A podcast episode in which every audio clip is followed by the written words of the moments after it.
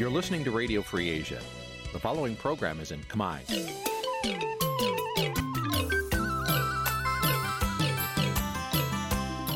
នេះជាកម្មវិធីផ្សាយ Vuthu Azizi Serai នេះជាកម្មវិធីផ្សាយរបស់ Vuthu Azizi Serai ជាភាសាខ្មែរ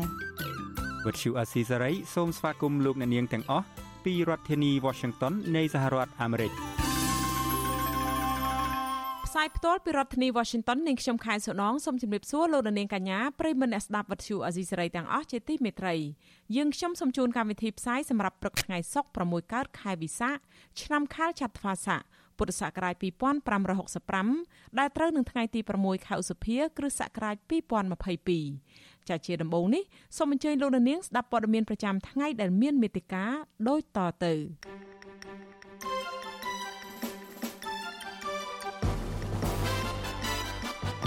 សង្គមស៊ីវិលសង្ឃឹមថានឹងមានដំណោះស្រាយករណីធនាគាររំលោភសិទ្ធិអ្នកជំពាក់បំណុល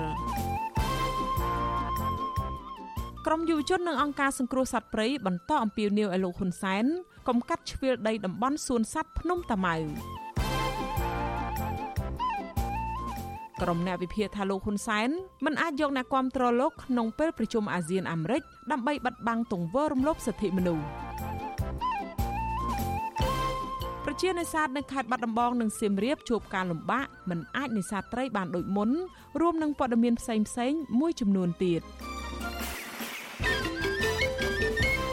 ចាជាបន្តទៅនេះនាងខ្ញុំខែសុណងសូមជូនព័ត៌មានទាំងនេះពិស្ដាចាលោករនាងជាទីមេត្រីមន្ត្រីសង្គមស៊ីវិលសង្ឃឹមថាសាជីវកម្មហិរញ្ញវត្ថុអន្តរជាតិហៅកាត់ថា IFC នឹងមានវិធានការលើធនាគារនិងគ្រឹះស្ថានមីក្រូហិរញ្ញវត្ថុដែលរំលោភសិទ្ធិមនុស្ស ទោះយ៉ាងណាប្រធានធនាគារអេស៊ីលីដាដែលរងការចោទប្រកាន់ក្នុងបណ្ដឹងនោះអះអាងថាធនាគារតែងការពារសិទ្ធិអតិថិជន និងចាត់ទុកការចោទប្រកាន់នេះថាតែងតែកើតមានឡើងនៅពេលគៀកការបោះឆ្នោតម្ដងម្ដងចាលោកមានរិទ្ធមានសេចក្តីរាយការណ៍អំពីព័ត៌មាននេះក្តីរំពឹងថាសាជីវកម្មហិរញ្ញវត្ថុអន្តរជាតិហៅកាត់ថា IFC នឹងចាត់វិធានការលើធនាគារនិងគ្រឹះស្ថានមីក្រូហិរញ្ញវត្ថុនៅកម្ពុជានេះ កើតមានឡើងក្រោយពេលដែលស្ថាប័ន IFC បានយល់ព្រមទទួលពាក្យបណ្ដឹងរបស់ក្រុមអង្គការសង្គមស៊ីវិលចំនួន2ដែលតំណាងឲ្យភាគីអ្នកខ្ចីប្រាក់ដោយចោទប្រកាន់គ្រឹះស្ថានមីក្រូហិរញ្ញវត្ថុនិងធនាគារចំនួន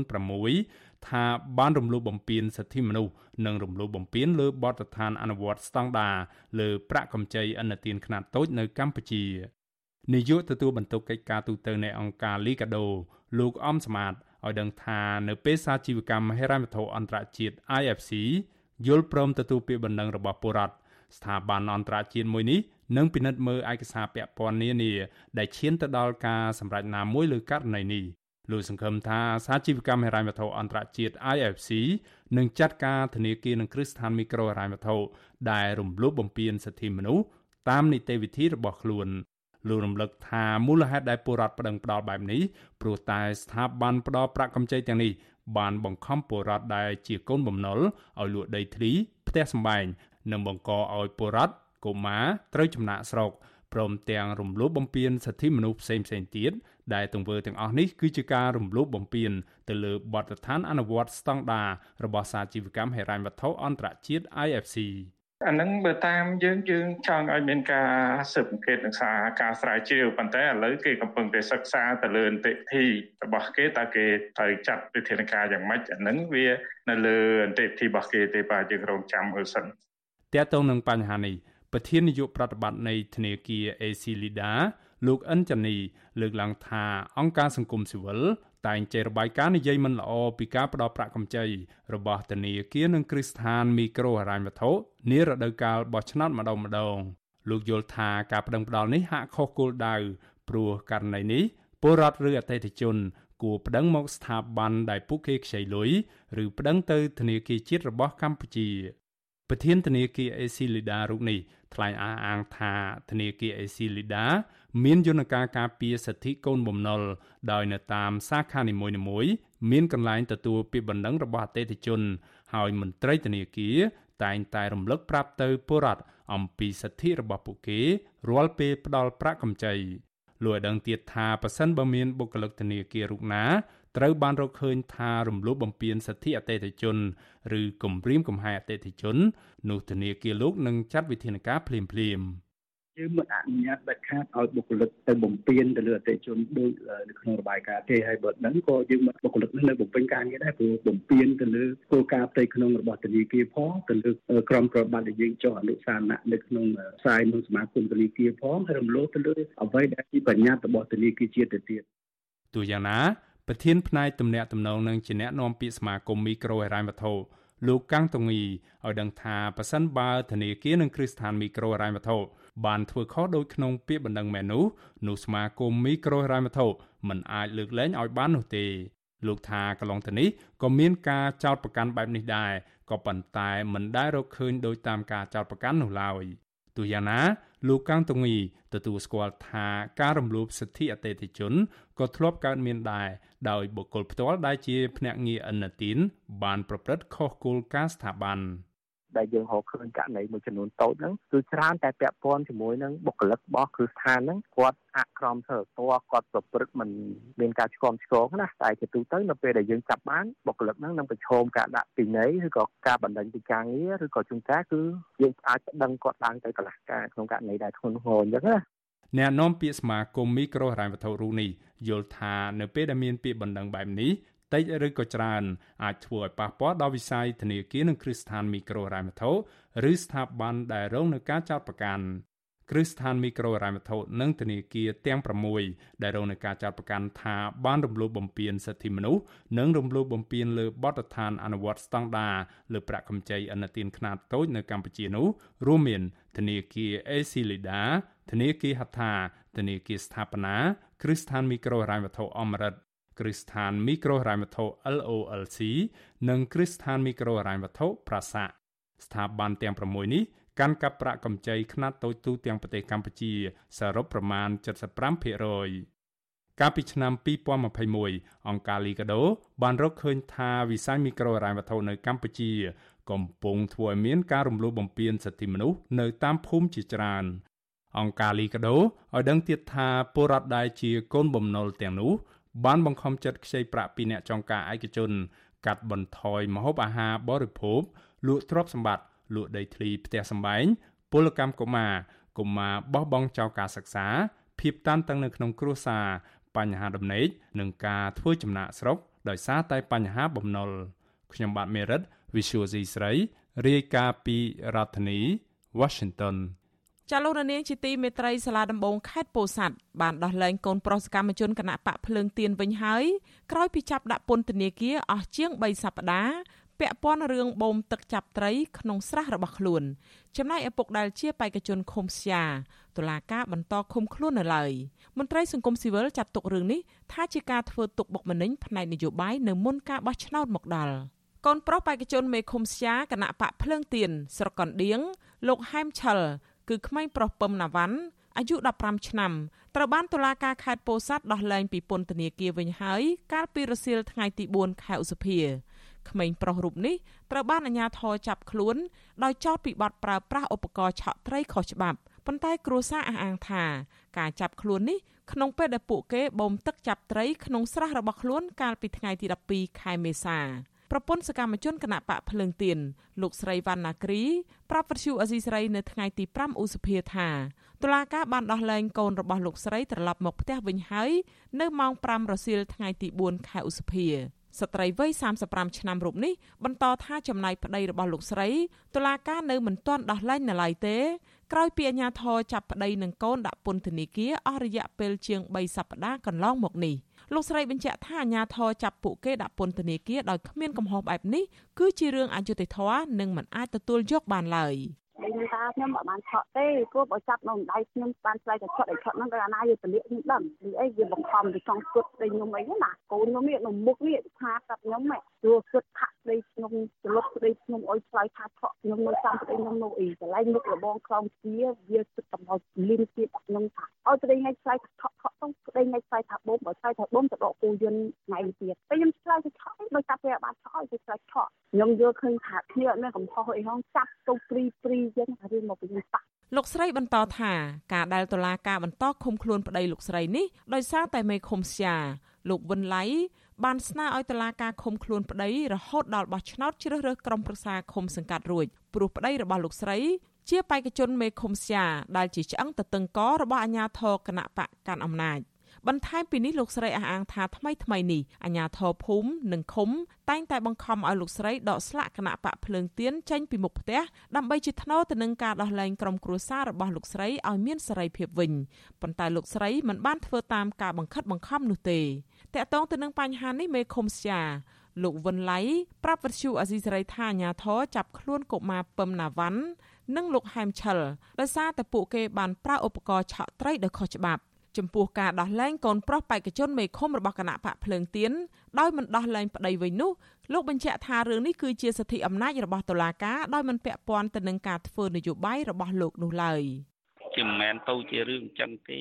រឿងកំណត់ពេលវេលារបស់គេនៅខាងជលផលអញ្ចឹងគេកំណត់ពេលវេលាគេក្នុងច្បាប់ប៉ុនគេទេខ្ញុំមិនបាននិយាយទៅដល់អញ្ចឹងទេបើគេលែងតែអញទៅគេចាប់ចាប់ទៅរឿងប៉ុនគេ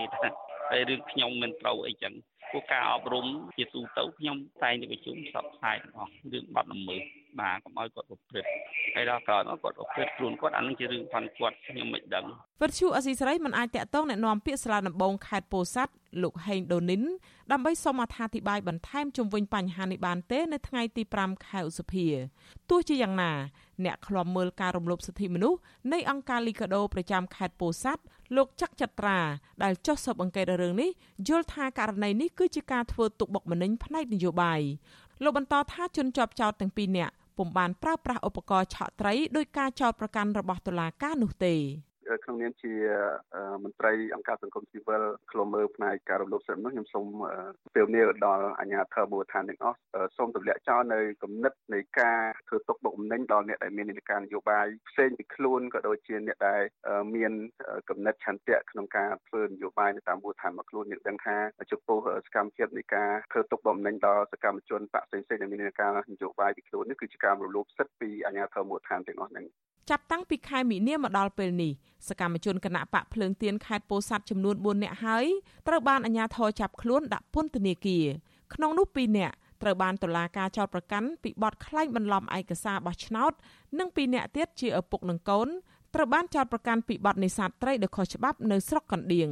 សាច់ញាតិនិងអង្គការសង្គមស៊ីវិលចាត់ទុកការចាប់ខ្លួននេះថាជារឿងនយោបាយនិងស្នើឲ្យតុលាការទម្លាក់ចោលបទចោទប្រកាន់ហើយដោះលែងពួកគេឲ្យមានសេរីភាពវិញឲ្យបានឆាប់ដើម្បីឲ្យពួកគេអាចបន្តឈរឈ្មោះបោះឆ្នោតក្រុមប្រឹក្សាឃុំសង្កាត់នៅខែមិថុនាខាងមុខនេះចាលោករនាងកញ្ញាជាទីមេត្រីចាលោករនាងកំពុងស្ដាប់ការផ្សាយរបស់វិទ្យុអាស៊ីសេរីផ្សាយចេញពីរដ្ឋធានី Washington នៃសហរដ្ឋអាមេរិក ចាក្រៅពីលោករនាងស្ដាប់ការផ្សាយនៅលើបណ្ដាញសង្គម Facebook និង YouTube នេះចាលោករនាងក៏អាចស្ដាប់ការផ្សាយផ្ទាល់តាមវិទ្យុរលកធាតុអាកាសខ្លីឬ Shortwave តាមកម្រិតនិងកម្ពស់ដូចតទៅនេះពេលព្រឹកចាប់ពីម៉ោង5កន្លះដល់ម៉ោង6កន្លះតាមរយៈរលកធាតុអាកាសខ្លី12140 kHz ស្មើនឹងកម្ពស់ 25m និង13715 kHz ស្មើនឹងកម្ពស់ 22m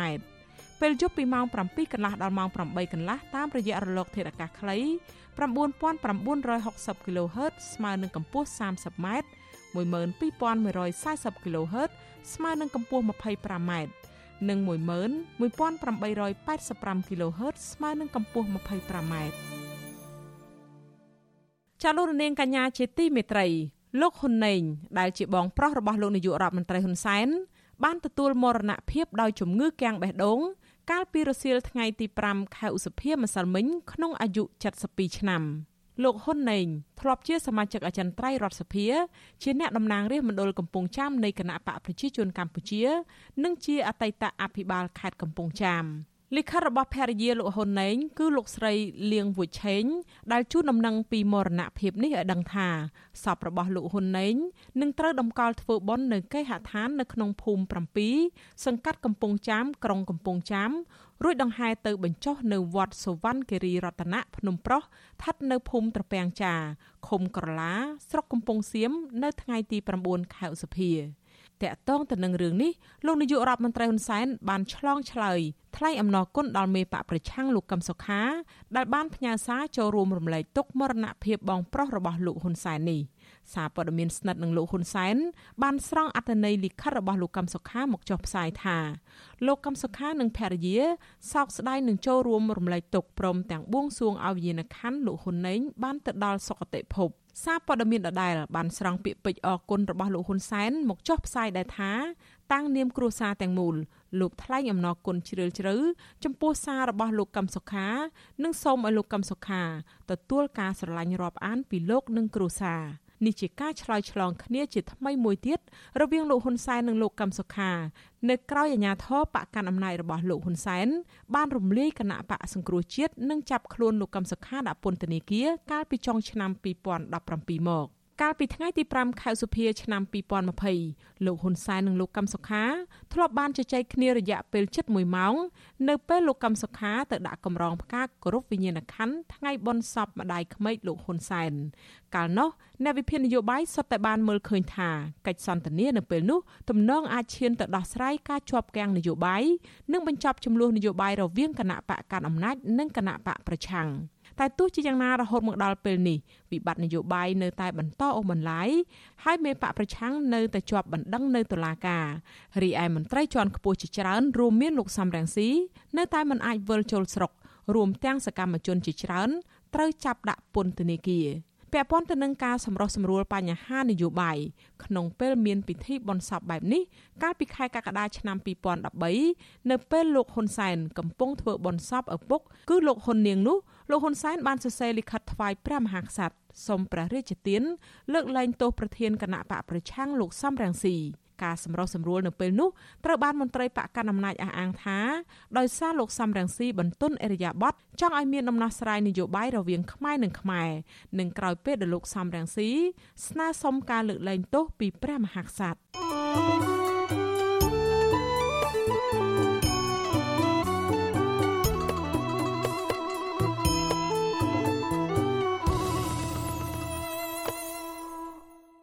ចាលោកនាងកញ្ញាជាទីមេត្រីចាប់ពីខេត្តកំពង់ឆ្នាំងឯនោះវិញពលរដ្ឋសហគមន៍ឡពីងខេត្តកំពង់ឆ្នាំងប្រមាណ50នាក់ខកចិត្តដែលតុលាការខេត្តនេះពន្យាពេលសាលក្រមសំណុំរឿងតំណាងពួកគេទៅថ្ងៃទី24ខែឧសភាបើទោះជាគ្មានភ័ស្តុតាងដាក់បន្ទុកក្តីបងប្រុសសកម្មជនការពារបឹងធម្មជាតិឃុំឡពីងស្រុកកំពង់ត្រឡាចលោករាជសីមាដែលកំពុងជាប់ឃុំនោះ គឺលោកស្ងួនញឿនថ្លែងកាលពីយប់ថ្ងៃទី4ឧសភាថាតុលាការបានយកសាក់សីចុងចោតពីខាងប្អូនប្រុសរបស់លោក3នាក់ចូលបំភ្លឺក្នុងសវនាការប៉ុន្តែគ្មានសាក់សីពីខាងដើមចោតនោះទេលោកបន្តថាប្រជាពលរដ្ឋដែលជាដើមមិនដឹងប្តឹងលោករាជសីមាពីបទបង្ករបួសស្នាមនោះពុំដែលមានវត្តមាននៅក្នុងបន្ទប់សវនាការឡើយហើយក៏បានដកពាក្យបណ្ដឹងចេញវិញដែរក្រោយប្តឹងប្អូនប្រុសរបស់លោកបានមួយថ្ងៃប៉ុណ្ណោះលោកស្ងួនញឿនឆ្ងល់ថាហេតុអ្វីបានជាតុលាការនៅតែបន្តសំណុំរឿងនេះមិនព្រមដោះលែងប្អូនប្រុសរបស់លោកដែលគ្មានកំហុសដូច្នេះចំពោះការកាត់ក្តីនេះបណ្ណាការគាត់បានសួរសាកសីចំនួន3នាក់ហ្នឹងឆ្លើយអស់ហើយគឺมันមានផុសតាងណាហើយតុលាការក៏មិនបានចុះមកស៊ើបអង្កេតក្នុងរឿងនឹងដែរហើយតុលាការហ្នឹងគឺគាត់បានអះអាងថាគាត់បានចុះមកស៊ើបអង្កេតអស់ហើយលោកស្រីមេធាវីក៏គាត់បានអាននៅ ពាក្យបណ្ដឹងរបស់ភាគីម្ខាងទៀតដែលបានបានបណ្ដឹងចំនួនមួយថ្ងៃហើយបានដកពាក្យបណ្ដឹងវិញភ្លាមភ្លាមដោយសារតែអ្នកនោះគឺគាត់ផឹកស្រាសបងដោយខ្លួនឯងបែរជាមកទម្លាក់កំហុសមកលើលោករាជសីមាទៅវិញទោះមេធាវីគាត់ស្នើសុំយ៉ាងណាក៏តឡាការនឹងមិនព្រមដែរមេធាវីនឹងក៏បានស្នើសុំឲ្យមានការដោះលែងនៅក្រៅឃុំជាបណ្ដោះអាសន្នសិនក៏លោកចៅក្រមនឹងក៏មិនព្រមដែរ លោករាជសីមាត្រូវបានតុលាការឃុំខ្លួនកាលពីចុងខែវិច្ឆិកាឆ្នាំ2021ពីបទបង្ករបួសស្នាមលើអ្នកភូមិសូវងដែលចូលទៅរកត្រីក្នុងបឹងពោជាបឹងអភិរក្សបងប្រុសលោករាជសីមាលោកស្ងួនញឿនអះអាងថាអ្នកភូមិដែលប្តឹងប្អូនប្រុសលោកបានរងរបួសដោយសារគ្រោះថ្នាក់ចរាចរណ៍មុនឆ្លោះប្រកែកជាមួយលោករាជសីមាទៅទៀត តែតុលាការបែរជាចោទប្អូនប្រុសរបស់លោកពីបទបង្ករបួសស្នាមទៅវិញប៉ុន្តែលោករាជសីមាគឺជាសកម្មជនការពារបឹងធម្មជាតិក្នុងសហគមន៍ដែលមានចំនួនដីធ្លីជាមួយក្រុមហ៊ុន KDC របស់អ្នកស្រីជាខេងភរិយាលោកសុយសែមរដ្ឋមន្ត្រីក្រសួងរាយនឹងធម្មពលហើយលោករាជសីមាគឺជាបុគ្គលដែលសកម្មនិងជាតំណាងពលរដ្ឋក្នុងការតវ៉ាវិវាទដីធ្លីពីក្រុមហ៊ុននេះ ពលរដ្ឋសហគមន៍លពីងប្រកាន់ជំហរថា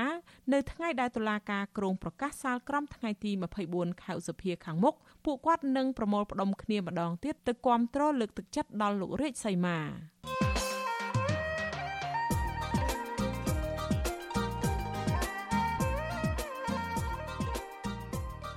ចាលោករនាងកញ្ញាជាទីមេត្រីក្រុមអ្នកវិភាគលើកឡើងថាទោះជាលោកនាយករដ្ឋមន្ត្រីហ៊ុនសែន ខិតខំគៀងគរមនុស្សឲ្យមករងចាំទទួលស្វាគមន៍លោកនៅរដ្ឋធានី Washington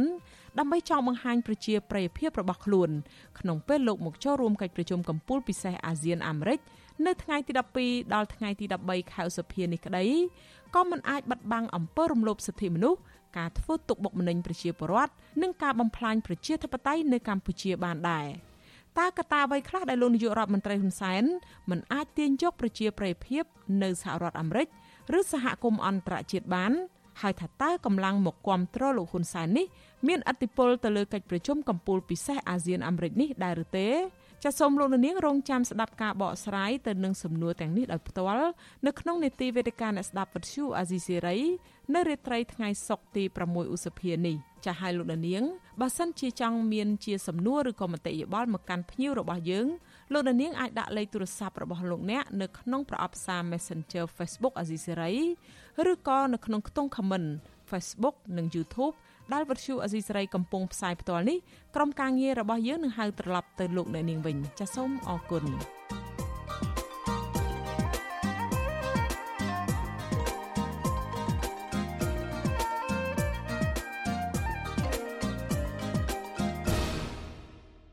ចាលោកនាងកញ្ញាជាទីមេត្រីចាតកតងទៅនឹងរឿងការវិនិយោគរបស់ក្រុមហ៊ុន នៅឯសួនសត្វភ្នំតាម៉ៅឯនោះវិញលោកនាយករដ្ឋមន្ត្រីហ៊ុនសែនសម្រេចកាត់ជ្រឿលដីអភិរក្សសួនសត្វភ្នំតាម៉ៅក្នុងខេត្តតាកែវទំហំជិត1000ហិកតាដើម្បីវិនិយោគឲ្យក្រុមហ៊ុនឯកជនធ្វើការអភិវឌ្ឍនិងសាងសង់អគារក្រុមយុវជននិងអង្គការសង្គ្រោះសត្វព្រៃបន្តអំពាវនាវឲ្យលោកហ៊ុនសែនផ្លាស់ប្តូរគំនិតនេះ ព្រោះប៉ះពាល់សវត្ថិភាពសត្វព្រៃនិងទីកន្លែងសង្គ្រោះសត្វព្រៃដ៏សំខាន់នៅកម្ពុជាចាអ្នកស្រីម៉ៅសុធានីរាយការណ៍អំពីរឿងនេះ អង្គការសង្គ្រោះសត្វព្រៃក្រមយុវជននិងមន្ត្រីសង្គមស៊ីវិលព្រួយបារម្ភខ្លាចក្រែងបាត់បង់ជំរកយ៉ាងសំខាន់របស់សត្វព្រៃប៉ះពាល់ទីកន្លែងសង្គ្រោះសត្វព្រៃនិងជាកន្លែងតាក់ទាញភ្ញៀវទេសចរក្រោយពីរដ្ឋាភិបាលសម្រេចកាត់ជ្រៀតដីទំហំជិត1000ហិកតាវិនិយោគនិងដោះដូរទៅឲ្យក្រុមហ៊ុនឯកជនចំនួន2ដើម្បីអភិវឌ្ឍវិស័យអចលនទ្រព្យនិងសង់អគារសម្រាប់ចិញ្ចឹមសត្វគោ មន្ត្រីពង្រឹងសិទ្ធិអំណាចបរដ្ឋមូលដ្ឋាននៃសមាគមអាត់ហុកលោកប៉ែនបណ្ណាសំណុំពរដល់រដ្ឋាភិបាល គួរតែថែរក្សានិងការពារតំបន់ឧទ្យានជាតិភ្នំតាម៉ៅដើម្បីសុវត្ថិភាពសត្វព្រៃនិងការរស់រានមានជីវិតរបស់សត្វព្រៃកម្រជាច្រើនប្រភេទដែលគេយកទៅសង្គ្រោះនៅទីនោះ។ លោកថាគម្រោងវិនិយោគនេះនឹងបង្កគ្រោះថ្នាក់ដល់សត្វព្រៃចម្រុកសត្វព្រៃជាពិសេសគឺការប្រែប្រួលអាកាសធាតុកាន់តែធ្ងន់ធ្ងរពីព្រោះព្រៃឈើនៅតំបន់នោះនឹងប្រឈមការឈូសបំផ្លាញកំទេចចោលយើងសូមទាមទារឲ្យមានការទុកជាតំបន់ធម្មជាតិបាទពីព្រោះយើងឃើញថាវាមានការបាត់បង់ច្រើនហើយបាទតំបន់ព្រៃឈើតំបន់ធម្មជាតិច្រើនហើយដែលបាត់បង់ឲ្យខ្លាយជាចំការស៊ូចំការដំណាំអីផ្សេងផ្សេងដែលបំរើឲ្យវិស័យទេសចរបាទ កាលពីថ្ងៃទី14ខែមករាកន្លងទៅ ទីស្តីការគណៈរដ្ឋមន្ត្រីលោកខូយគុនហួរបានចុះហត្ថលេខាអនុញ្ញាតឲ្យដោះដូរដីទំហំ300ហិកតាកាត់ជ្រៀលចេញពីឧទ្យានជាតិភ្នំតាម៉ៅនិងដីទំហំ500ហិកតាទៀតក្នុងតំបន់នោះក៏កាត់ជ្រៀលចេញផងដែរដើម្បីវិនិយោគឲ្យក្រុមហ៊ុនខ្មែរ Freshmere 8ផ្អែកតាមចំណារបស់លោកនាយករដ្ឋមន្ត្រីហ៊ុនសែន ខ្លឹមសារលិខិតបន្ថែមថាទំហំដី300ហិកតាដែលកាត់ជ្រៀលចេញពីសួនសត្វភ្នំតាម៉ៅនេះគឺដើម្បីដោះដូរជាថ្នូរនិងទទួលបានដីមួយកន្លែងទំហំ400ហិកតាស្ថិតនៅក្នុងស្រុកទឹកផុសខេត្តកំពង់ឆ្នាំង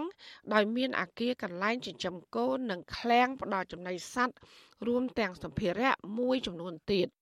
លិខិតដដែលពំបានបញ្ជាក់លម្អិត ថាតើដី300ហិកតាដែលកាត់ជ្រៀលចេញពីតំបន់នោះ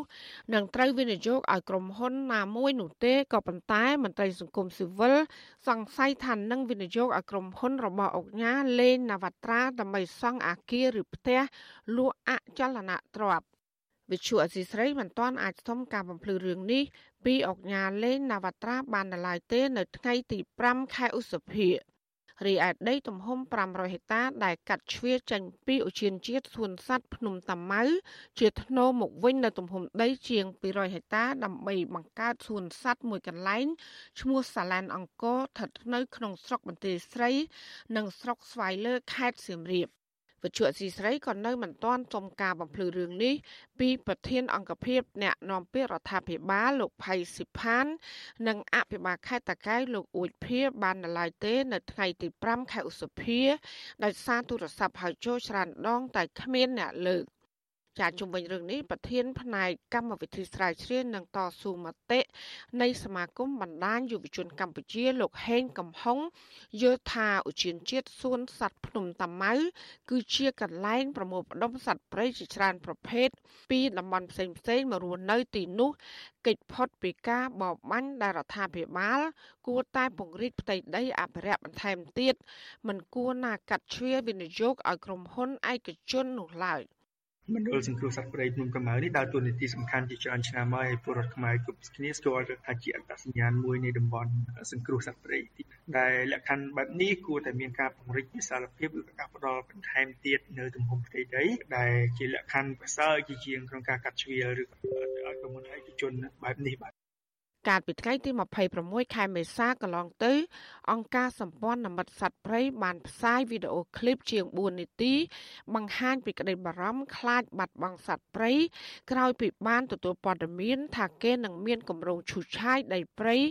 នៅតំបន់អភិរក្សភ្នំតាម៉ៅ។ អ្នកជំនាញអភិរក្សសត្វព្រៃនៅអង្គការនេះគឺលោក Nick Mark បានថ្លែងក្នុងវីដេអូថាមូលហេតុដែលសួនសត្វភ្នំតាម៉ៅជាទីកន្លែងសង្គ្រោះសត្វព្រៃដ៏ល្អជាងតំបន់ផ្សេងទៀតដែលសារតែមានព្រៃធម្មជាតិព័ទ្ធជុំវិញ មានទំហំជាង2300ហិកតាអំណោយផលសម្រាប់សត្វព្រៃរស់នៅ និងចិញ្ចឹមជីវិត លោកថាគម្រោងឈូសឆាយភ្នំតាម៉ៅនឹងបំផ្លាញចម្រុកសត្វព្រៃដ៏សំខាន់ក្នុងតំបន់នោះ ដែលមានសត្វព្រៃកម្រជាច្រើនប្រភេទរស់នៅតាក់ទាញភ្ញៀវទេសចរនិងប្រជាជនខ្មែរទៅកំសាន្តនៅទីនោះលោកក៏បានស្នើឲ្យលោកនាយករដ្ឋមន្ត្រីហ៊ុនសែនជួយការពារភ្នំតាម៉ៅដើម្បីទុកជាជំរកសុវត្ថិភាពសត្វព្រៃ។ មូលហេតុភ្នំថ្មៅល្អជាងសួនសត្វផ្សេងមកពីភ្នំថ្មៅកន្លែងធម្មជាតិមានព្រៃជុំវិញប៉ុន្តែឥឡូវនេះខ្ញុំសុំទោសខ្ញុំមានបរិមានអត់ល្អគេមានផាំងកាជុះព្រៃភ្នំថ្មៅដីជាប់គ្នាជាមួយភ្នំថ្មៅគេធ្វើឲ្យគេជុះឲ្យផាំងកានេះនឹងបងបងផ្លាញព្រៃកន្លែងល្អមានសត្វព្រៃខំរច្រើនកន្លែងល្អសម្រាប់ទេសចរអឺនឹងប្រជាជនខ្មែរទៅលេងក្នុងព្រៃមើលសត្វព្រៃ អ្នកខ្លំមើលប្រឈើសង្កេតឃើញថាព្រៃធម្មជាតិសំខាន់សំខាន់មួយចំនួន នៅខេត្តភៀកឦសាន បានបាត់បង់ជំរកសត្វព្រៃអស់ស្ទើរទាំងស្រុងហើយដែលក្នុងនោះសត្វព្រៃកម្រមួយចំនួន រួមមានស្វាតូចមកុដដំរីរមាំងនិងខ្ទីងជាដើមនោះត្រូវបានគេបញ្ជូនទៅសង្គ្រោះនៅឧទ្យានជាតិសួនសត្វភ្នំតាម៉ៅជាបន្តបន្ទាប់ និស្សិតសិក្សាផ្នែកច្បាប់ដែលធ្លាប់តែកំសាន្តនៅសួនសត្វភ្នំតាម៉ៅគឺកញ្ញាវណ្ណីទេវីផ្ដល់ទស្សនៈថាបើរដ្ឋាភិបាលចង់អភិវឌ្ឍប្រកបដោយនរណភាព និងការអភិវឌ្ឍទីក្រុងឆ្លាតវៃមិនមែនសំដៅលើការធ្វើផ្លូវបេតុងសង់អគារនិងកន្លែងកំសាន្តទំនើបទំនើបតែម្យ៉ាងប៉ុណ្ណោះទេប៉ុន្តែត្រូវគិតពីបរិស្ថានធម្មជាតិព្រៃព្រឹក្សាសត្វព្រៃនិងសភនភាពព្រៃធម្មជាតិ ព័ទ្ធជុំវិញឧទ្យានជាតិសួនសត្វភ្នំតាម៉ៅដែលជាកលឹះសំខាន់នៃការអនុវត្តគោលនយោបាយអភិវឌ្ឍប្រកបដោយចីរភាពទៅថ្ងៃអនាគតប្រសិនបើក្រុងភ្នំពេញបន្តរីកដល់ទីនោះ។ ធ្លាប់ទៅលេងនេះគឺមានចំហសត្វជាច្រើននៅភ្នំតាម៉ៅហ្នឹងអញ្ចឹងវាប្រៀបដូចជាផ្ទះសម្បែងដែលសត្វទាំងនោះហ្នឹងរស់នៅតាំងពីយូរមកហើយអញ្ចឹងបើសិនបើមានការឈូសឆាយទៅប្រៀបដូចជាបំផ្លិចបំផ្លាញនៅផ្ទះសម្បែងសត្វហើយក៏ធ្វើឲ្យវាបាត់បង់នៅទីជំរកសត្វមួយដែលធំបំផុតដែរនៅកម្ពុជា ឧទ្យានជាតិសួនសត្វភ្នំតាម៉ៅនិងមជ្ឈមណ្ឌលសង្គ្រោះសត្វព្រៃភ្នំតាម៉ៅមានផ្ទៃដី2300ហិកតាត្រូវបានចុះបញ្ជី ជាតំបន់អភិរក្សពីក្រសួងកសិកម្មកាលពីឆ្នាំ1995ដែលស្ថិតក្នុងស្រុកបាទីខេត្តតាកែវតំបន់អភិរក្សនេះមានសត្វព្រៃកម្រជាច្រើនប្រភេទកំពុងរស់នៅ និងបង្កកំណើតរួមមានខ្លាឃ្មុំច្រើនជាងគេលើពិភពលោក ដោយមានកម្មវិធីបង្កាត់កូនក្រពើភ្នំឲ្យរស់នៅក្នុងព្រៃនៅតំបន់នោះដែលជាសត្វកម្រចិត្តផុតពូជអង្គការសម្ព័ន្ធមិត្តសត្វព្រៃបានចិញ្ចឹមសត្វស្វាព្រៃក្រវ៉ាត់ដោយសង្គ្រោះពីការជួញដូរសត្វព្រៃខុសច្បាប់ហើយក៏បានដោះលែងសត្វព្រៃជាច្រើនប្រភេទរួមមាន តូចមកុដស្វាព្រាមខ្ទីងប្រើឆ្លុះនិងភេជាដើមឲ្យរស់នៅក្នុងព្រៃជុំវិញភ្នំតាម៉ៅបន្ថែមពីនេះព្រៃដែលនៅជុំវិញភ្នំតាម៉ៅមានចំនួនសត្វរមាំងនិងប្រាសច្រើនជាងកន្លែងផ្សេងទៀតនៅប្រទេសកម្ពុជា ជាពិសេសគឺមានសត្វថ្លាប់កម្រជាច្រើនប្រភេទដែលកំពុងធ្វើសម្បុក និងបង្កកំណើតនៅលើដើមឈើចាននាងខ្ញុំម៉ៃសុធានីវិទ្យុអាស៊ីស្រីប្រធានាធិបតី Washington ចាលោកនាងកញ្ញាជាទីមេត្រីប្រជានេសាទនៅខេត្តចំនួន2គឺខេត្តសៀមរាបនិងខេត្តបាត់ដំបងជួបការលំបាកដោយសារតែបញ្ហានេសាទរបស់ពួកគេធ្លាក់ចុះខណៈប្រជាពលរដ្ឋមួយចំនួន បានសម្រេចមករាវលៀសគ្រាន់តែបានថវិកាតិចតួចពួកគេស្នើរដ្ឋាភិបាលជួយផ្ដល់ពូជត្រីដល់ពួកគាត់ឲ្យយកមកចិញ្ចឹមដើម្បីអាចដោះស្រាយជីវភាពប្រចាំថ្ងៃបានចាលោកនាងនឹងបានស្ដាប់សេចក្តីរាយការណ៍នេះលម្អិតនៅក្នុងការផ្សាយរបស់យើងនៅពេលបន្តិចទៀតនេះ។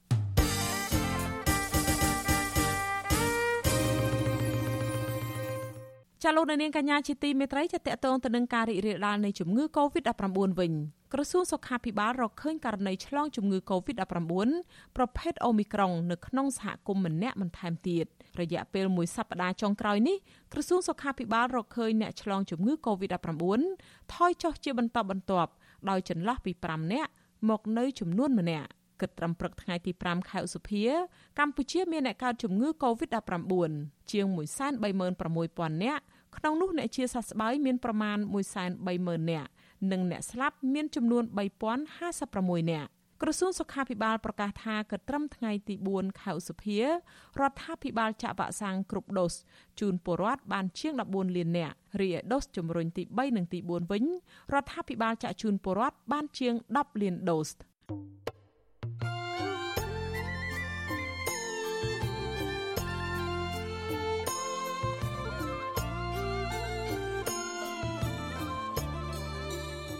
ចាលោកនាងកញ្ញាជាទីមេត្រីក្រៅពីលោកនាងតាមដានកម្មវិធីផ្សាយរបស់វិទ្យុអាស៊ីសេរីតាមបណ្ដាញសង្គម Facebook YouTube Telegram ចាលោកនាងក៏អាចស្វែងរកព័ត៌មានតាមរយៈបណ្ដាញសង្គម Instagram របស់វិទ្យុអាស៊ីសេរីបានតាមរយៈតំណភ្ជាប់ www.instagram.com/rfa ខ្មែរវិទ្យុអាស៊ីសេរីបន្តខិតខំផ្សព្វផ្សាយព័ត៌មានពិតទៅកាន់បងប្អូនតាមបណ្ដាញសង្គមផ្សេងផ្សេងនិងសម្បូរបែប ដើម្បីឲ្យលោកនាងងាយស្រួលតាមដានការផ្សាយរបស់វិទ្យុអាស៊ីសេរីបានគ្រប់ពេលវេលានិងគ្រប់ទីកន្លែងតាមរយៈទូរស័ព្ទដៃរបស់លោកនាង ចាសសូមអរគុណ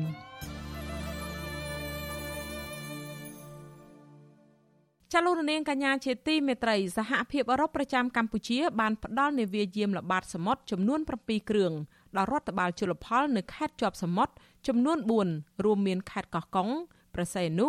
កែបនិងខេត្តកំពត ដើម្បីបំពេញតម្រូវការចាំបាច់ក្នុងការទប់ស្កាត់និងបង្ក្រាបបទល្មើសជលផលគេហទំព័រក្រសួងកសិកម្មចុះផ្សាយកាលពីថ្ងៃទី5ខែឧសភាម្សិលមិញឲ្យដឹងថា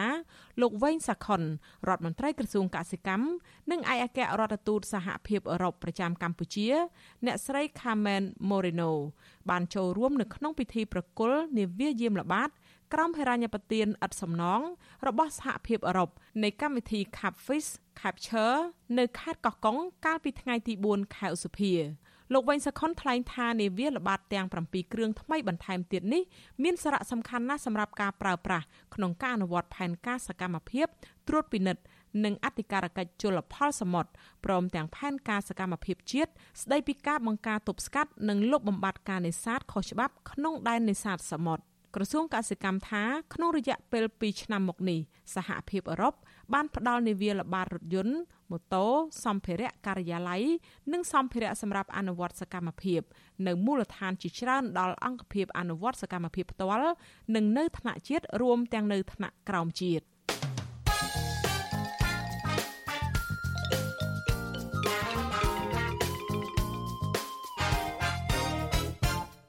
ចចាលោករនាងកញ្ញាជាទីមេត្រីចារឿងដាច់ដោយឡែកមួយទៀតក្រសួងពាណិជ្ជកម្មស្នើឲ្យក្រុមហ៊ុនកូរ៉េខាងត្បូងវិនិយោគលើការបង្កើតរោងចក្រកែច្នៃកសិផលមួយចំនួន រួមមានផ្លែស្វាយចេកនិងផ្លែមៀនជាដើមសម្រាប់ការនាំចេញទៅទីផ្សារអន្តរជាតិការស្នើសុំនេះធ្វើឡើងនៅក្នុងជំនួបពិភាក្សាការងាររវាងរដ្ឋមន្ត្រីក្រសួងពាណិជ្ជកម្មលោកប៉ាន់សូសាក់ជាមួយអនុប្រធានសមាគមអ្នកនាំចូលកូរ៉េលោកយ៉ាងហ្គៃវង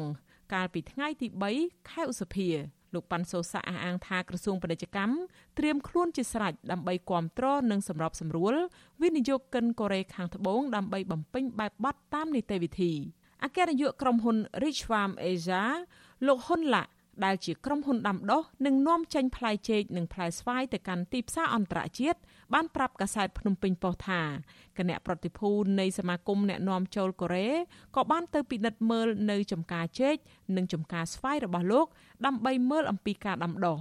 លោកថាកសិផលកម្ពុជាមិនអាចពឹងផ្អែកទៅលើទីផ្សារចិនតែមួយបានទេលោកយ៉ាងហ្គៃវងឲ្យដឹងថាសមាគមអ្នកនាំចូលកូរ៉េមានសមាជិកសមាគមប្រមាណ15000ក្រុមហ៊ុន និងកំពុងវិនិយោគលើគ្រប់វិស័យទាំងអស់នៅក្នុងប្រទេសកម្ពុជា និងកូរ៉េខាងត្បូងលោកបន្តថានៅកូរ៉េមានតម្រូវការផលិតផលស្វាយច្រើនដូច្នេះការនាំចូលស្វាយពីកម្ពុជាយ៉ាងហោចណាស់ក៏10000តោនក្នុងមួយឆ្នាំ ដើម្បីបំពេញតម្រូវការទីផ្សារកូរ៉េរបាយការណ៍អគ្គនាយកដ្ឋានកសិកម្មបង្ហាញថាត្រីមាសទី1ឆ្នាំ2022ការនាំចេញស្វាយស្រស់និងផលិតផលកែច្នៃពីស្វាយបានធ្លាក់ចុះ ក្នុងនោះស្វាយស្រស់មានចំនួនជាង80000តោនគឺថយជាង20%និងដំណាប់ស្វាយធ្លាក់ចុះជាង13%ដែលមានចំនួនជាង5000តោននិងទឹកសេរ៉ូស្វាយមានចំនួន400តោនដែលថយចុះជាង75%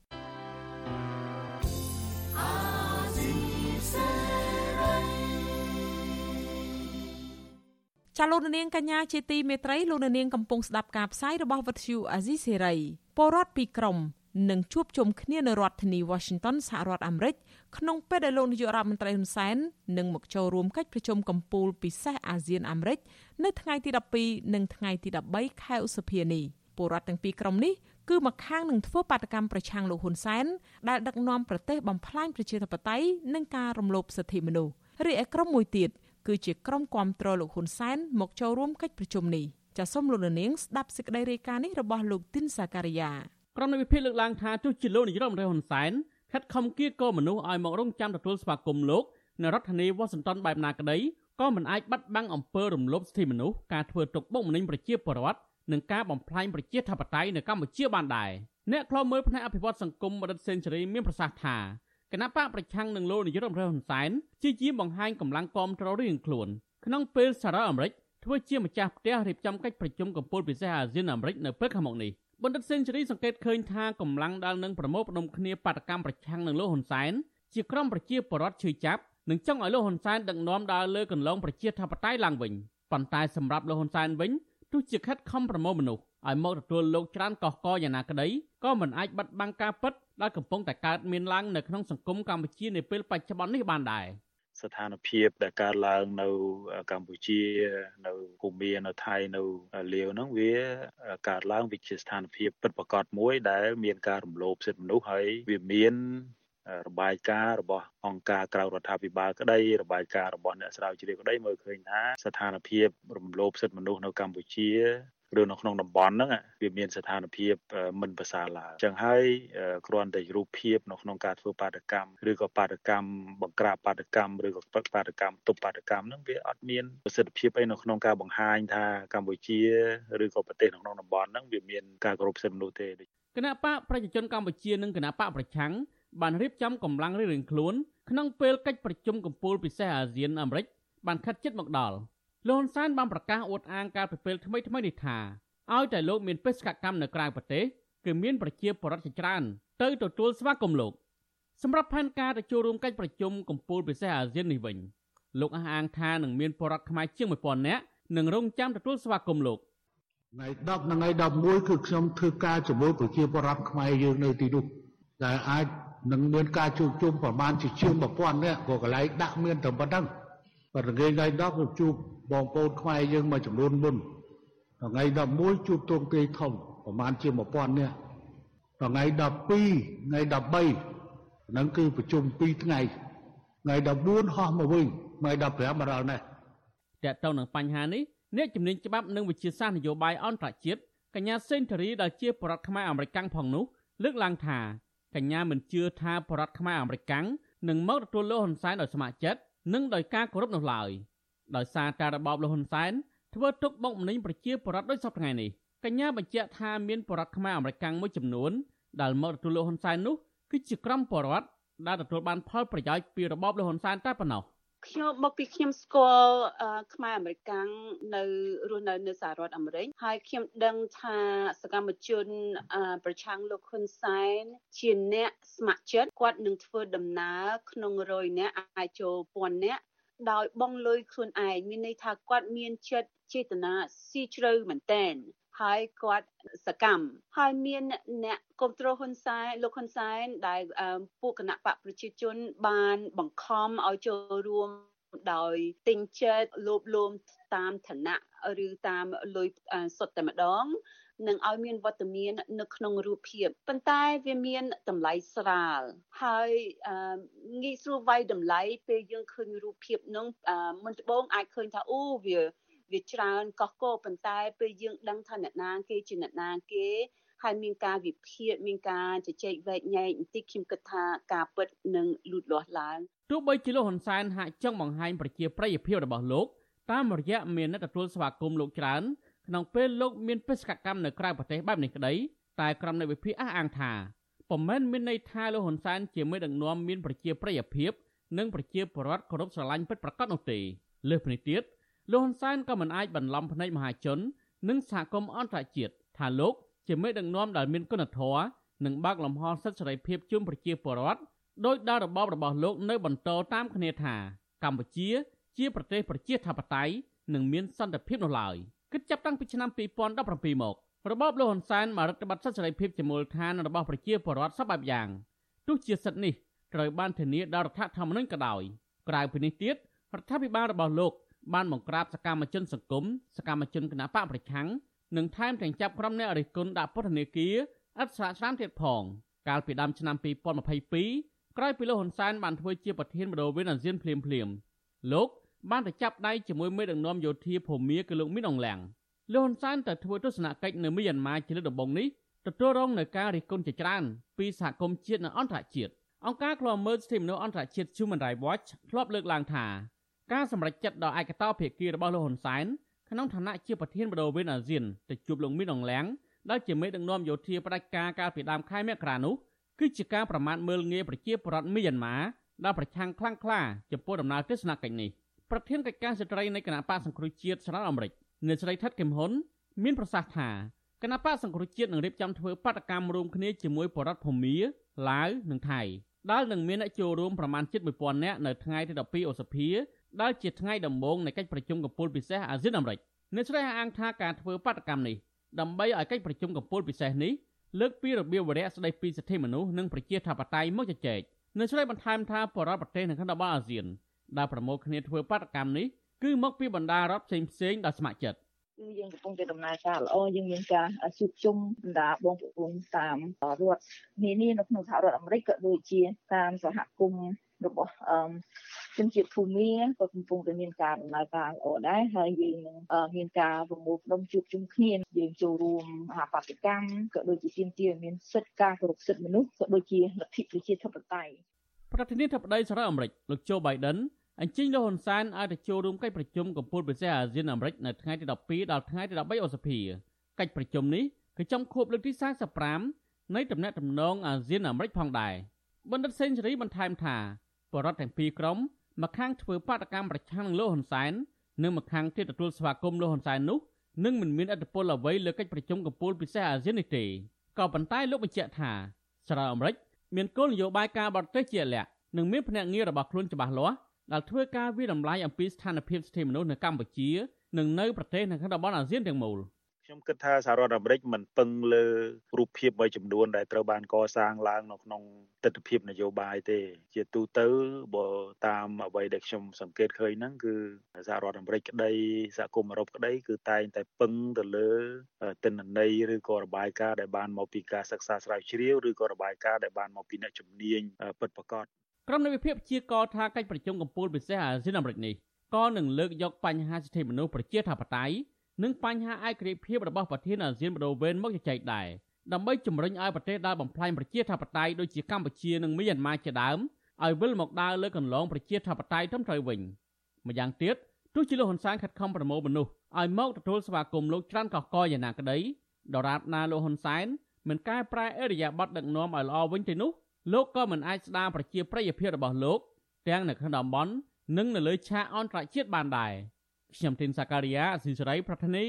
វ៉ាស៊ីនតោន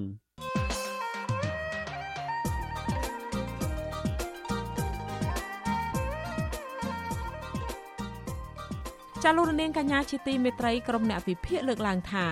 ទោះជាលោកនាយករដ្ឋមន្ត្រីហ៊ុនសែនខិតខំគៀងគរមនុស្សឲ្យមករងចាំទទួលស្វាគមន៍លោកនៅរដ្ឋធានី Washington ដើម្បីចង់បង្ហាញប្រជាប្រិយភាពរបស់ខ្លួនក្នុងពេលលោកមកចូលរួមកិច្ចប្រជុំកំពូលពិសេសអាស៊ានអាមេរិក នៅថ្ងៃទី12ដល់ថ្ងៃទី13ខែឧសភានេះក្តីក៏មិនអាចបិទបាំងអំពើរំលោភសិទ្ធិមនុស្សការធ្វើទុកបុកម្នេញប្រជាពលរដ្ឋនិងការបំផ្លាញប្រជាធិបតេយ្យនៅកម្ពុជាបានដែរតើកត្តាអ្វីខ្លះដែលលោកនាយករដ្ឋមន្ត្រីហ៊ុនសែនមិនអាចទាញយកប្រជាប្រិយភាពនៅសហរដ្ឋអាមេរិកឬសហគមន៍អន្តរជាតិបានហើយថាតើកម្លាំងមកគ្រប់គ្រងលោកហ៊ុនសែននេះមានអធិបុលទៅលើកិច្ចប្រជុំកំពូលពិសេសអាស៊ានអាមេរិកនេះដែរឬទេ ចាសសូមលោកនាងរងចាំស្ដាប់ការបកស្រាយទៅនឹងសំណួរទាំងនេះដោយផ្ទាល់នៅក្នុងនេតិវេទិកាអ្នកស្ដាប់វិទ្យុអាស៊ីសេរីនៅរាត្រីថ្ងៃសុក្រទី6ឧសភានេះចាសឲ្យលោកនាងបើសិនជាចង់មានជាសំណួរឬក៏មតិយោបល់មកកាន់ភ្ញៀវរបស់យើងលោកនាងអាចដាក់លេខទូរស័ព្ទរបស់លោកអ្នកនៅក្នុងប្រអប់សារ Messenger Facebook អាស៊ីសេរីឬក៏នៅក្នុងខ្ទង់ comment Facebook និង YouTube ដែលវិទ្យុអេស៊ីសរ៉ៃកំពុងផ្សាយផ្ទាល់នេះក្រុមការងាររបស់យើងនឹងហៅត្រឡប់ទៅលោកអ្នកនាងវិញចាសសូមអរគុណ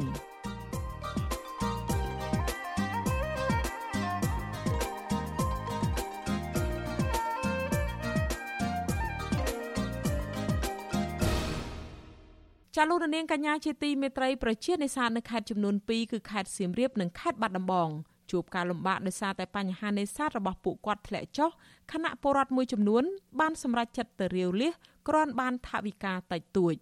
ពួកគាត់ស្នើរដ្ឋាភិបាលផ្ដល់ពូជត្រីដល់ពួកគាត់យកមកចិញ្ចឹមដើម្បីអាចដោះស្រាយជីវភាពប្រចាំថ្ងៃបានចាលោកសេកបណ្ឌិត មានសេចក្តីរាយការណ៍លម្អិតអំពីរឿងនេះប្រជានេសាទដែលរស់នៅលើបឹងទន្លេសាបត្អូញត្អែថា ត្រីនៅក្នុងទន្លេបានធ្លាក់ចុះខ្លាំងអស់រយៈពេលជាង4ឆ្នាំមកហើយ ដែលធ្វើឲ្យពួកគាត់រស់នៅក្នុងស្ថានភាពលំបាកប្រជានេសាទម្នាក់លោកសូនផេងរស់នៅភូមិកំពង់ភ្លុកស្រុកបាគងខេត្តសៀមរាបលើកឡើងថាបញ្ហាត្រីធ្លាក់ចុះបណ្ដាលមកពីការនេសាទខុសច្បាប់ ជាពិសេសជនជាតិវៀតណាម បានប្រកបរបរនេសាទខុសច្បាប់ទ្រង់ទ្រាយធំ ដែលបណ្ដាលឲ្យផុតពូជត្រី ចំណែកឯទិន្នផលនេសាទវិញ បានធ្លាក់ចុះជាបន្តបន្ទាប់ អ្នកនេសាទវ័យ37ឆ្នាំរូបនេះបានលើកឡើងថាលោកសាទរចំពោះវិធានការរបស់អាជ្ញាធរដែលបានបង្ក្រាបបទល្មើសនិងចុះដកហូតឧបករណ៍នេសាទខុសច្បាប់ពីពលរដ្ឋក៏ប៉ុន្តែលោកបារម្ភថាសកម្មភាពខុសច្បាប់ទាំងនោះនឹងកើតឡើងវិញបើអាជ្ញាធរមិនពង្រឹងការអនុវត្តច្បាប់ឲ្យបានរឹងមាំខ្សោយខ្លាំងមែនទែននិយាយចំទៅតាមពី2019មក ខ្សោយត្រីគាត់ទៅខ្លាំងទៅខ្លាំងទៅអត់មានកើនផលទៅមានតែចុះខ្សោយទៅសម្រាប់ខ្ញុំរោរាល់ថ្ងៃវាក្នុងម៉ោង30 40ដៃដែរតែរោត្រីអត់ចង់បានលក់ចឹងហើយបានអាជ្ញាធរគាត់បានបំបត្តិពួករបបខុសច្បាប់ចឹងខ្ញុំសូមសរសើរដូចជាយ៉ាងកាយដូចអីហ្នឹងគួរតែបំបត្តិបានព្រោះយួនភាកច្រើនយួនមានអេរ៉ូរបស់ល្អរបបនោះជាយ៉ាងកាយម៉ាញ់ស៊ីបគាត់បានអនុវត្តដកតាមភូមិតាមឃុំដែលណបលដែរខុសច្បាប់ អ្នកនេសាទរូបនេះបន្តថាខណៈនៅតំបន់ទន្លេសាបគ្មានត្រីពូជដូចមុនប្រជាពលរដ្ឋបង្ខំត្រដររស់យ៉ាងវេទនាដែលត្រូវបង្ខំចិត្តក្រោកនេសាទទាំងយប់ជ្រៅមានពេលខ្លះចាប់ពីម៉ោង3ទៅម៉ោង4រហូតដល់ភ្លឺបានត្រីខ្លះយកមកលក់ឲ្យឈ្មួញបានប្រាក់តិចតួចលោកបន្តថាការនេសាទនេះអាចរកប្រាក់ចំណូលបានក្នុងមួយថ្ងៃ20000រៀលទៅ30000រៀលប៉ុណ្ណោះបើប្រៀបធៀបទៅនឹង4 5ឆ្នាំមុន គឺប្រជានេសាទអាចរកបានប្រមាណ100000រៀលទៅ20000រៀលបើសឹងជាត្រីនៅតែខ្សត់អត់ទៅទៀតវានឹងប៉ះពាល់ច្រើន ទី1ក្មេងដែលដែលក្មេងដែលតូចតូចគ្នាមិនមិនស្គាល់ត្រីអស់ហើយទី2មិនដឹងជីគ្នាដឹងជាបាត់អីហូបបើត្រីវាចិត្តតែខ្សត់ទៅខ្សត់ទៅចេះដោយកលាសិតតែ9ហ៊ុនទៅមកទឹកហើយនៅតែចាប់ត្រីមិនបានហើយមិនដឹងជីទៅរកអុយទៀតវាចិត្តតែខ្សោយទៅខ្សោយទៅ លោកសូនភេងស្នើសុំឲ្យរដ្ឋាភិបាល ជួយផ្ដល់ពូជត្រីសម្រាប់ប្រជាពលរដ្ឋដែលរស់នៅតាមតំបន់ទន្លេសាប ដើម្បីឲ្យពួកគេអាចរកចំណូលពីការលក់ត្រី សម្រាប់ផ្គត់ផ្គង់ជីវភាពគ្រួសារប្រចាំថ្ងៃស្របពេលដែលត្រីនៅតំបន់ទន្លេសាបមិនអាចនេសាទបានដូចមុន លោកបន្តថាវាជារឿងល្អដែលរដ្ឋាភិបាល បានយកចិត្តទុកដាក់ក្នុងការទប់ស្កាត់បទល្មើសនេសាទខុសច្បាប់ប៉ុន្តែបើរដ្ឋាភិបាល គិតដល់ការផ្ដល់ជំនាញបច្ចេកទេសណាមួយដល់ប្រជានេសាទគឺរឹតតែល្អថែមទៀតតែត្រីទលេខ្សក់ខ្សោយអញ្ចឹងបើសិនជារដ្ឋាភិបាលគិតជួយជីត្រីជីសាច់អីមកឲ្យប្រជាពលរដ្ឋគិតចិញ្ចឹមខ្ញុំសូមគាំទ្រដោយសារអីព្រោះទលេយើងពងតែខ្សត់ត្រីបើសិនជាគិតដាក់អញ្ចឹងមកនៅនោះដូចជាដូចជាប្រាក់សំយើងមួយក្នុងក្នុងគ្រួសារដែរស្រដៀងគ្នានេះដែរប្រជានេសាទម្នាក់ទៀតរស់នៅខេត្តបាត់ដំបងលោកសយហៀបរៀបរាប់ថា ស្របពេលរកចំណូលពីរបរនេសាទត្រីមិនបានដូចមុនធ្វើឲ្យការផ្គត់ផ្គង់ជីវភាពគ្រួសារកាន់តែលំបាក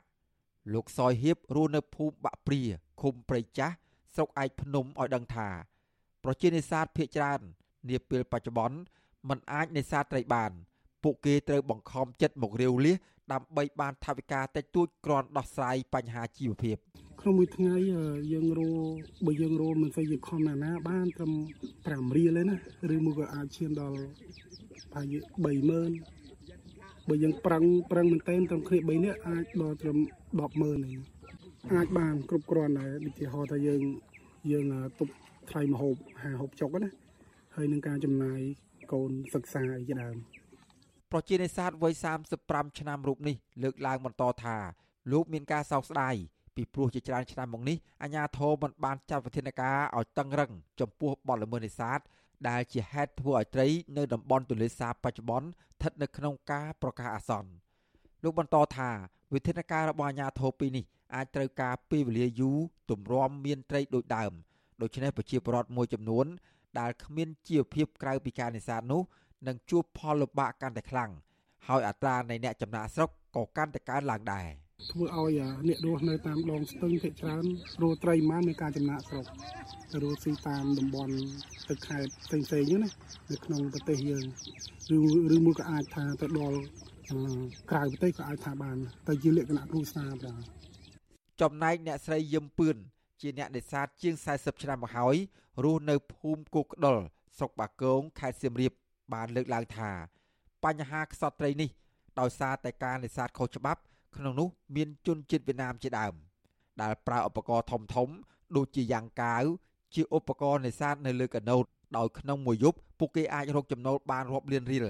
ហើយឧបករណ៍ទាំងនោះអាចចាប់ត្រីបានទាំងតូចទាំងធំមួយថ្ងៃរកបាន4 5 6ម៉ឺនដូចតែថាអត់ទាន់មានយ៉ាងកាវដល់មកធ្លាក់មានយ៉ាងកាវមកធ្លាក់អញ្ចឹង 20000ទៅ30000ទៅមកពីអាយ៉ាងកាវបើសិនតែយើងបិទអាយ៉ាងកាវវាទៅឆ្នាំក្រោយគឺអាចបានរកបានគ្រាន់អត់តែបិទចិត្តបានប៉ុណ្ណេះខ្លាចបិទមិនចិត្តអាយ៉ាងកាវនោះយ៉ាងកាវវាកណូតធំណាស់រោស៊ីរបក្នុងមួយយប់ក៏ឡើងពី3លាននៅនោះអ្នកស្រីស្នើសុំឲ្យអាជ្ញាធរពង្រឹងការអនុវត្តច្បាប់ឲ្យបានតឹងរឹងចំពោះជនជាតិវៀតណាមនិងជួយផ្ដល់ពូជត្រី ព្រមទាំងបណ្ដុះបណ្ដាលប្រជាពលរដ្ឋខ្មែរពីជំនាញបច្ចេកទេសមួយចំនួនដូចជាការចិញ្ចឹមត្រី ការធ្វើកសិកម្មជាដើមដើម្បីអាចរកចំណូលបានផ្សេងក្រៅពីការនេសាទព្រោះបច្ចុប្បន្នពួកគាត់ជួបការលំបាកមិនដឹងជារោគអ្វីសម្រាប់ផ្គត់ផ្គង់ជីវភាពឡើយឆ្លើយតបនឹងបញ្ហាទាំងនេះប្រធានរាជបណ្ឌិតសភាកម្ពុជា លោកសុកទូច ដែលតែងតែចុះស្រាវជ្រាវ និងបង្ក្រាបបទល្មើសនៅតាមតំបន់ទន្លេសាបបានលើកឡើងថា លោកមិនមានកាតព្វកិច្ចនៅក្នុងការផ្ដល់ជំនាញឬពូជត្រីនោះទេប៉ុន្តែអ្វីដែលលោកអាចធ្វើទៅបាននោះគឺលោកបំបត្តិបទល្មើសនេសាទនៅតាមតំបន់ទន្លេសាបលោកបន្តថាមួយរយៈពេលនេះឃើញថាបទល្មើសនេសាទធ្លាក់ចុះខ្លាំងបើទោះបីជាមានបទល្មើសខ្លះបានចូលទៅលួចនេសាទពេលយប់ក៏ដោយយើងនឹងតាមដាននៅរដូវប្រាំងទៀតថាតើកាប់រៀនដីឬក៏អត់បើកាប់ព្រៃឈើទៀតទោះបីជាយើងមិននេសាទក៏វាអត់ ចម្រោកអត់ចំណីក៏វាអាចរស់បានដែរហើយមួយទៀតគឺការយកខ្ចៅឲ្យមានកំណត់ខ្ចៅលៀសហ្នឹងឲ្យមានកំណត់បើយើងយកមួយថ្ងៃ20 30តោនហ្នឹងក៏វានឹងអត់មានចំណីឲ្យត្រីដែរអាត្រីដែលស៊ីប្រភេទពិសេសត្រីរំអិលហ្នឹងជុំវិញការលើកឡើងនេះសកម្មជនបរិស្ថានដែលតែងតែរិះគន់ចំចំលើបញ្ហាបរិស្ថានដូចជាការបង្ហូរទឹកស្អុយចូលទន្លេនិងការលុបបង្កប៉ះពាល់ធម្មជាតិរហូតដល់មានការចាប់ដាក់ពន្ធនាគារចំនួន14ខែ7ថ្ងៃ នៅមជ្ឈមណ្ឌលអប់រំកែប្រែប្រៃសហើយដែលទើបនឹងបានមានសេរីភាពថ្មីថ្មីនេះគឺកញ្ញាលងគុន្ធា បានចុះទៅអង្កេតដោយផ្ទាល់លើកឡើងថាកញ្ញាមានការសោកស្ដាយនៅពេលដែលឮប្រជាពលរដ្ឋត្អូញត្អែជុំវិញការនេសាទត្រីធ្លាក់ចុះកញ្ញាសង្ឃឹមថាអាជ្ញាធរនឹងពង្រឹងការអនុវត្តច្បាប់ឲ្យបានតឹងរឹងចំពោះបទល្មើសនេសាទនិងលុបបំបាត់បញ្ហាអំពើពុករលួយ រយៈពេលចុងក្រោយនេះយើងឃើញថាអាជ្ញាធរក៏ចាប់ផ្ដើមមានចំណាត់ការទៅទៅនឹងការទប់ស្កាត់បទល្មើស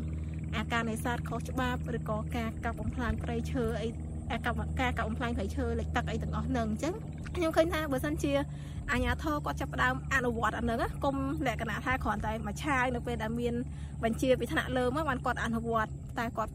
បានបើសិនជាគាត់ព្យាយាមនៅក្នុងការអនុវត្តបញ្ហាទាំងអស់ហ្នឹងខ្ញុំជឿថាគាត់ប្រកាសជាអាចធ្វើវាបានហើយ ក៏នៅតែលើកទឹកចិត្តឲ្យពួកគាត់នៅតែបន្តការងាររបស់ពួកគាត់នៅក្នុងការទប់ស្កាត់បទល្មើសរបាយការណ៍របស់គណៈកម្មការអន្តរក្រសួងឲ្យដឹងកាលពីថ្ងៃទី2ខែឧសភាថាការបង្ក្រាបបទល្មើសនេសាទខុសច្បាប់នៅបឹងទន្លេសាបក្នុងរយៈពេល2ខែគឺចាប់ពីថ្ងៃទី2ខែមីនាដល់ថ្ងៃទី1ខែឧសភា ឆ្នាំ2022អាជ្ញាធរពាក់ព័ន្ធបានបញ្ជូនសំណុំរឿងទៅតុលាការបានចំនួន44ករណីក្នុងចំណោមជនសង្ស័យចំនួន45នាក់ ខណៈជនសង្ស័យចំនួន24នាក់ត្រូវបានឃុំខ្លួនមនុស្ស20នាក់ត្រូវបានតុលាការចេញដីកាកោះហៅនិងមនុស្សចំនួន4326នាក់ត្រូវបានអាជ្ញាធរហៅមកអប់រំចំណែកសង្គមស៊ីវិលស្នើសុំអាជ្ញាធរអនុវត្តច្បាប់ឲ្យមានតម្លាភាពក្នុងការដកហូត និងបង្ក្រាបបទល្មើសទាំងអ្នកមានអំណាច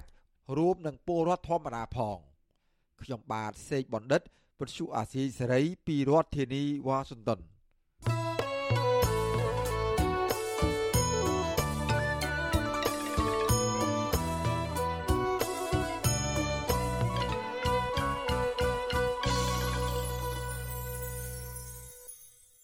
ចាលោករនាងកញ្ញាជាទីមេត្រីចាការផ្សាយរយៈពេល1ម៉ោងមកនេះបានឈានមកដល់ទីបញ្ចប់ហើយចានាងខ្ញុំសូមជូនពរដល់លោករនាងកញ្ញាទាំងអស់ឲ្យជួបប្រកបតែនឹងសេចក្តីសុខចម្រើនរុងរឿងកំបីគ្លៀងគ្លាតឡើយចាសម្រាប់ពេលនេះនាងខ្ញុំខែសុណងនិងក្រុមការងារទាំងអស់នៃវិទ្យុអាស៊ីសេរីសូមអរគុណនិងសូមជម្រាបលា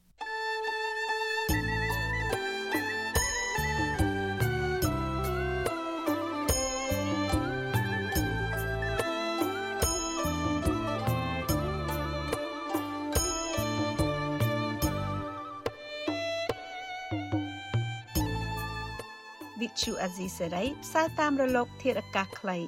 ឬ shortwave តាមកម្រិតនិងកម្ពស់ដូចតទៅនេះពេលព្រឹកចាប់ពីម៉ោង5កន្លះដល់ម៉ោង6កន្លះតាមរយៈរលកធាតុអាកាសខ្លី12140 kHz ស្មើនឹងកម្ពស់ 25m និង13715 kHz ស្មើនឹងកម្ពស់ 22m ពេលយប់ចាប់ពីម៉ោង7កន្លះដល់ម៉ោង8កន្លះតាមរយៈរលកធាតុអាកាសខ្លី 9960 kHz ស្មើនឹងកម្ពស់ 30m 12140 kHz ស្មើនឹងកម្ពស់ 25m និង11885 kHz ស្មើនឹងកម្ពស់ 25m លោកអ្នកនាងអាចស្ដាប់ការផ្សាយផ្ទាល់តាមប្រព័ន្ធអ៊ីនធឺណិតដោយចូលទៅកាន់គេហទំព័រ www.rfa.org/ ខ្មែរក្រៅពីនេះលោកអ្នកនាងក៏អាចអាននិងទស្សនាព័ត៌មានវិទ្យុអេស៊ីសេរី